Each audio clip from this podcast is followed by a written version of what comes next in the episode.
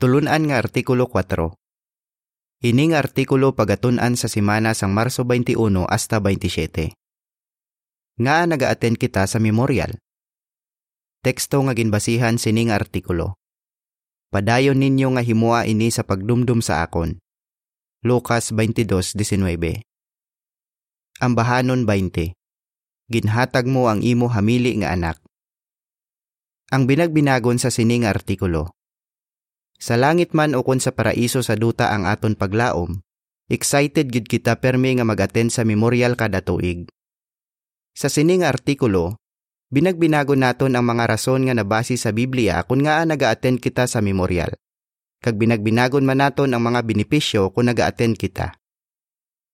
Para po uno kag dos, pamangkot sa A. San o naton mas labi nga madumduman ang aton pinalangga nga napatay? Pamangkot sabi, Ano ang ginsugda ni Esos ang gabi anti siya napatay? Bisan pa madugay na nga napatay ang aton mga pinalangga, madumduman gihapon naton sila. Madamo kita sing madumduman parte sa ila, ila binagid kun pitsa sang ila kamatayon. Kada tuig, nalakip kita sa minilyon nga nagatipon sa bilog nga kalibutan para sa ulogo ng anibersaryo sang kamatayon ni Iso Kristo nga palangga gid naton. Nagatipon kita para dumdumon ang paghatag ni Esos ang iya kabuhi bilang gawad para luwason kita sa sala kag kamatayon. Ang matuod, gusto ni Esos nga dumdumon sang iya mga sumulunod ang iya kamatayon. Sang gabi anti siya napatay, ginsugdan niya ang isa ka okasyon, nga isa ka pinasahi nga panihapon. Dayon nagsugo siya. Padayon ninyo nga himua ini sa pagdumdum sa akon. Lucas 22:19. Para po tres, pamangkot. Ano ang binagbinago naton sa sining artikulo? Sa mga naga-attend sa memorial sang kamatayon sang Kristo, pila lang ang may paglaom nga magkabuhi sa langit. Pero ara man ang minilyon nga may paglaom nga magkabuhi sa duta. Sa sining artikulo, binagbinago naton kung nga excited sa pag-attend sa memorial kada tuig, ining duha ka grupo binagbinagon man naton ang mga benepisyo kung naga-attend kita. Una naton nga binagbinagon ang pila ka rason kung nga naga-attend ang mga hinaplas. Kung nga naga-attend ang mga hinaplas. Para po 4, pamangkot. Nga nagakaon sang tinapay kag nagainom sang alak ang mga hinaplas sa tion sang memorial.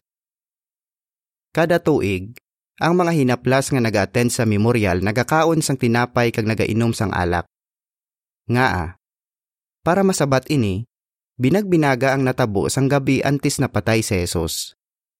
Pagkatapos masaulog ang Paskwa, ginsugda ni Jesus ang isa ka okasyon nga gintawag sang ulihi nga panihapon sang Ginoo. Ginpasa niya ang tinapay kag ang alak sa iya unsi ka matutom nga mga apostoles kag ginsilingan sila nga magkaon kag mag-inom.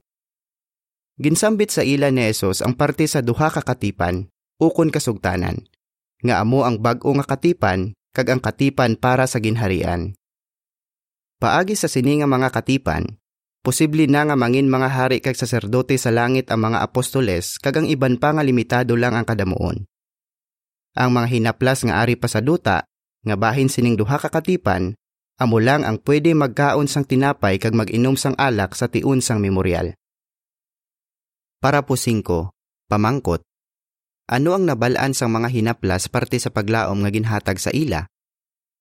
Ari ang isa pa ka rason kung nga excited sa pag-attend sa memorial ang mga hinaplas. Nagahatag ini sa ila sang kahigayunan nga pamalandungan ang ila paglaom. Dalayawon gid ang paglaom nga ginhatag ni Jehova sa ila. Magakabuhi sila sa langit bilang immortal kag indi madinulunton. Magagahom sila upod sa ginbanhaw nga si Hesus Kristo kag upod sa iban pa nga miyembro sang 144,000. Kaglabaw sa tanan, makita nila sa Jehova nga Dios. Kabalo ang mga hinaplas nga may paglaom sila nga mabaton ini nga mga pribilehiyo sa langit. Pero para makapalangit sila, dapat sila mangin matutom hasta sa ila kamatayon. Nalipay gid ang mga hinaplas kung ginapamalandungan nila ang ila paglaom nga magkabuhi sa langit. Kamusta naman ang iban nga mga karnero? Juan 10.16 Ano ang pila ka rason kung nga naga-attend sila sa memorial? Kung nga naga-attend ang iban nga mga karnero. Para po size, pamangkot. Nga naga-attend sa memorial kada tuig ang iban nga mga karnero. Nalipay gid mag-attend sa memorial ang iban nga mga karnero. Pero wala sila nagakaon sang tinapay kag nagainom sang alak. Sang 1938, ginagda sa pinakauna nga tion ang mga may paglaom nga magkabuhi sa duta nga mag-attend sa memorial. Ang Marso 1, 1938 nga The Watchtower nagsiling. Nagakadapat lang kag nagakaigo nga mag-attend sa sini nga okasyon ang iban nga mga karnero. May rason man sila nga malipay sa sini nga tion. Nalipay ang iban nga mga karnero nga mag-attend sa memorial. Daw pareho sila sang mga bisita nga ginimbitar sa isa ka kasal nga nalipay gid sa pag-attend. Para po 7. Pamangkot. Nga ay excited ang iban nga mga karnero nga mabatian ang pamulong-pulong sa memorial. Ginapamalandungan man sang iban nga mga karnero ang ila paglaom. Excited sila nga mabatian ang pamulong-pulong sa memorial. Nagapokus ini sa pagahimuon sang Kristo kag sang 144,000 para sa matutom nga mga tawo sa tion sang isa kalibo ka tuig nga pagahom. Si Yesu Kristo ang hari sining 144,000 nga kaupod niya nga mga manugawom sa langit. Kag magabulig sila para mangin paraiso ang duta kag para mangin perpekto ang matinumanon nga mga tawo. Nalipay gid ang minilyon nga iban nga mga karnero nga nag-attend sa memorial nga imaginon ang katumanan sang mga tagna sa Biblia. Pareho sang mga tagna sa Isayas 35:5 kag 6, 65:21 hasta 23, kag bugna 21:3 kag 4. Paagi sa pag-imagine nga ara na sila sa bag-o nga kalibutan kaupod sang ila mga pinalangga, nagabakod ang ila pagsalig nga matuman gid ang ila ginalauman sa palaabuton, kag nagapalig-on ini sa ila nga indi gid maguntat sa pag-alagad kay Jehova. Para po otso, pamangkot. Ano ang isa pa ka rason kung nga naga-attend sa memorial ang iban nga mga karnero? Binagbinaga ang isa pa ka rason kung nga naga-attend sa memorial ang iban nga mga karnero. Gusto nila ipakita nga palangga nila ang mga hinaplas kag ginasuportahan nila sila. Gintagna sang pulong sang Dios nga magabuligay ang mga hinaplas kag ang mga may paglaom nga magkabuhi sa duta. Binagbinago naton ang pila katagna parte sa sini kag kung paano ini natuman. Para po 9. Pamangkot. Paano ginalaragway sang tagna sa Zacarias 8.23 ang ginabatyag sang iban nga mga karnero sa mga hinaplas? Ang Zacarias 8.23 nagasiling. Amo ini ang ginasiling ni Jehova sa mga kasoldadusan. Sa sina nga tion napulo ka tawo halin sa tanan nga lingwahe sang mga pungsod ang magauyat sa bayo sang isa ka Hudiyo kag magasiling. Luyag namon nga magupod sa inyo, kay nabatian namon nga kaupod ninyo ang Dios. Kanami gid sang paglaragway sini nga tagna parte sa ginabatyag sang iban nga mga karnero sa ila mga kauturan nga hinaplas. Ang isa ka Hudeyo kag ang tinaga nga ninyo pariho nga nagapatuhoy sa mga hinaplas nga ari pa sa duta. Ang napulo ka tawo halin sa tanan nga lingwahe sang mga pungsod nagapatuhoy sa iban nga mga karnero. Nagauyat sila sa mga hinaplas. Buot silingon, nagaunong sila sa mga hinaplas kag nagaupod sa ila sa pagsimba sa Dios sa husto nga paagi. Gani sa gabi nga sa ulogon ang memorial, ginapakita sang iban nga mga karnero nga palangga nila ang mga hinaplas paagi sa pagupod sa ila sa sini nga okasyon. Para po Jis, pamangkot. Paano gintuman ni Jehova ang tagna sa Ezekiel 37, 15 hasta 19, kag 24 kag 25? Ang Ezekiel 37:15 hasta 19 nagasiling. Nagsiling pa si Jehovah sa akon. Anak sang tawo, magkuha ka sing isa kalipak kag sulatan mo ini. Para kay Huda kag para sa katawhan sang Israel nga kaupod niya. Dayon magkuha ka sing isa pa kalipak kag sulatan mo ini. Para kay Jose, ang lipak ni Ephraim, kag sa bugos nga panimalay sang Israel nga kaupod niya. Dayon uyati sila sing tingob agud mangin isa na lang sila kalipak sa imo kamot. Kung pamangkuton ka sang imo katawhan, ano ang buot silingon sang ginahimo mo? Sabta sila. Amo ini ang ginasiling sang soberanong Ginoong Jehova. Kuhaon ko ang lipak ni Jose, ngayara sa kamot ni Efraim, kag ang mga tribo sang Israel nga kaupod niya. Kag itingob ko sila sa lipak ni Huda. Kag himuon ko sila nga isa kalipak sa akon kamot. Ang bersikulo 24 kag 25 nagasiling. Si David nga akon alagad ang manginhari nila. Kag isa lang ang manugbantay nila tanan.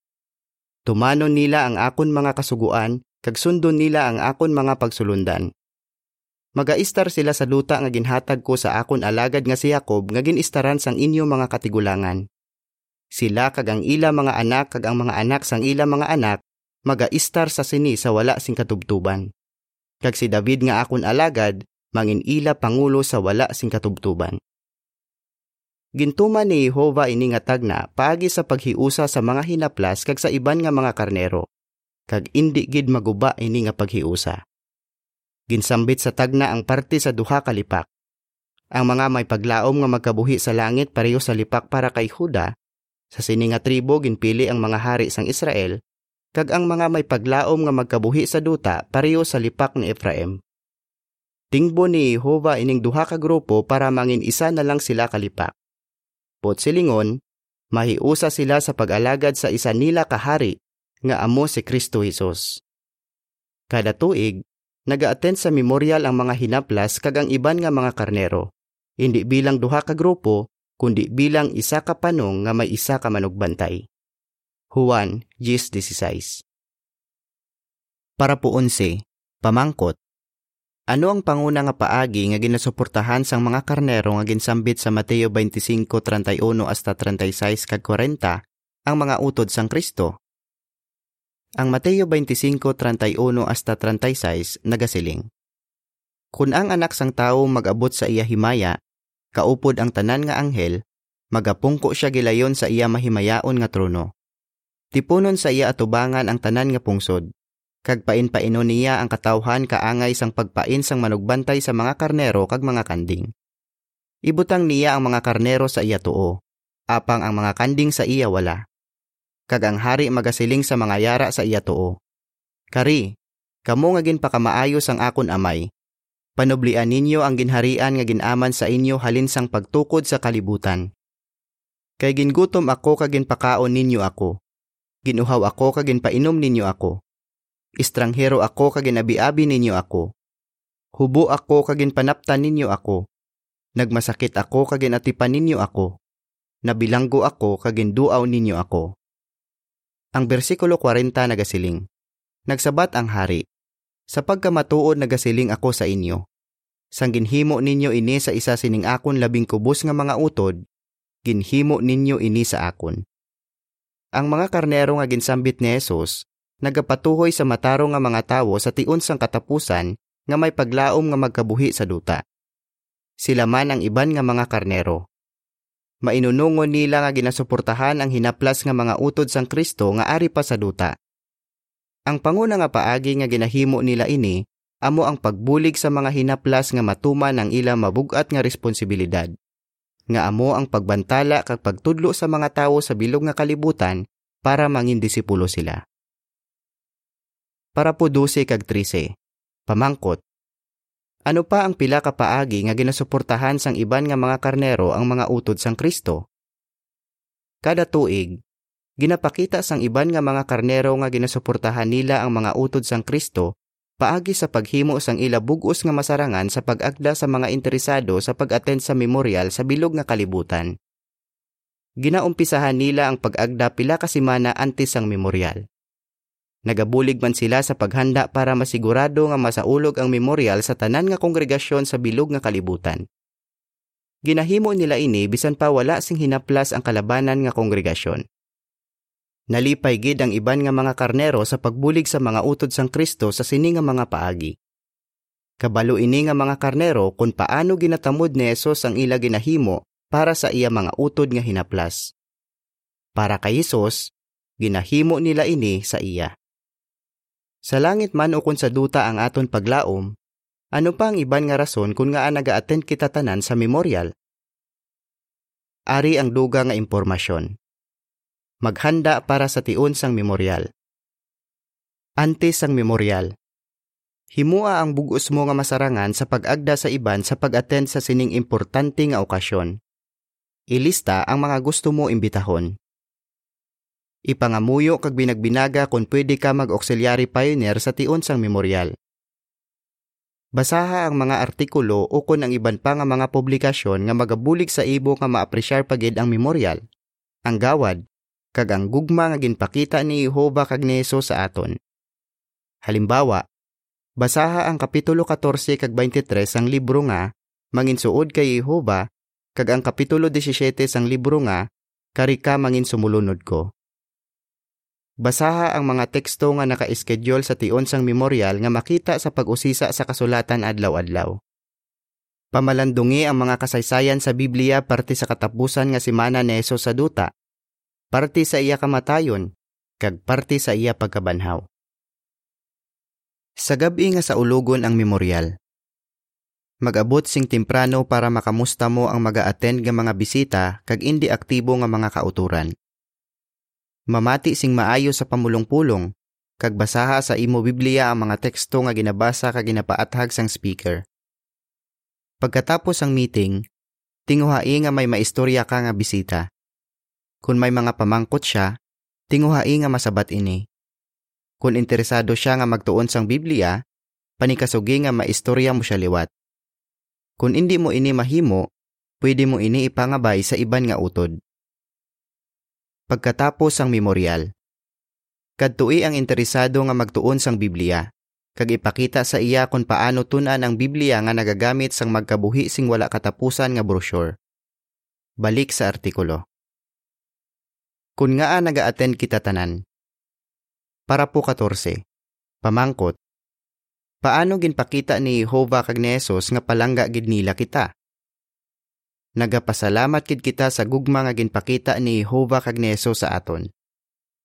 Madamo sing ginhimo sa Jehova para ipakita nga palangga niya kita. Pero ang pinakadalayawon gid sa sini amo ang pagpadala niya sang iya pinalangga nga anak para magantos kag mapatay para sa aton. Kagin pakita man ni Jesus nga palangga giniya kita, paagi sa kinabubuton nga paghatag sang iya kabuhi para sa aton. Indi gid naton mabalusan ang gugma nga ginpakita ni Jehova kag ni Jesus sa aton. Pero mapakita naton nga ginapasalamatan naton sila paagi sa aton mga ginahimo kada adlaw. Kag naga-attend kita sa memorial kay gusto naton pamalandungan ang ila gugma sa aton, kag gusto man naton ipakita ang aton gugma sa ila. Para po 15. Pamangkot. Nga ginapabaloran gid sang mga hinaplas kag sang iban nga mga karnero ang regalo nga gawad. Ginapabaloran gid naton ang regalo nga gawad. Ginapabaloran gid sang mga hinaplas ang gawad, bangod nangin posible ang ila dalayawon nga paglaom paagi sa sini. Bangod nagatuo sila sa halad sang Kristo, ginkabig sila ni Jehova nga matarong kag ginadoptar niya sila bilang iya mga anak. Nagapasalamat man ang iban nga mga karnero sa gawad. Bangod nagatuo sila sa halad sang Kristo, matinlo sila sa panulok sang Dios. Makahimo sila sang sagrado nga pag-alagad sa iya, kag may paglaom sila nga makagwa sa dakong kapipitan. Bugna 7, 13 hasta 15. Ang pag-attend sa memorial kada tuig amo ang isa ka paagi nga ginapakita sang mga hinaplas kag sang iban nga mga karnero nga nagapasalamat sila sa gawad. Para po 16. Pamangkot. Ano ang isa pa karason kung nga naga-attend kita sa memorial? May isa pa karason kung nga naga-attend kita sa memorial. Gusto naton tumanon si Jesus.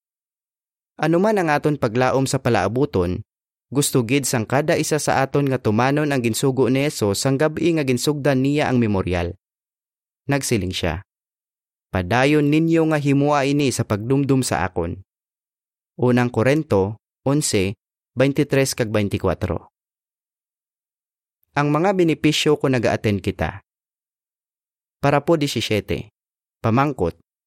Paano kita ginabuligan sang memorial nga manginsuod pagid kay Jehova? Nagasuod pagid kita kay Jehova.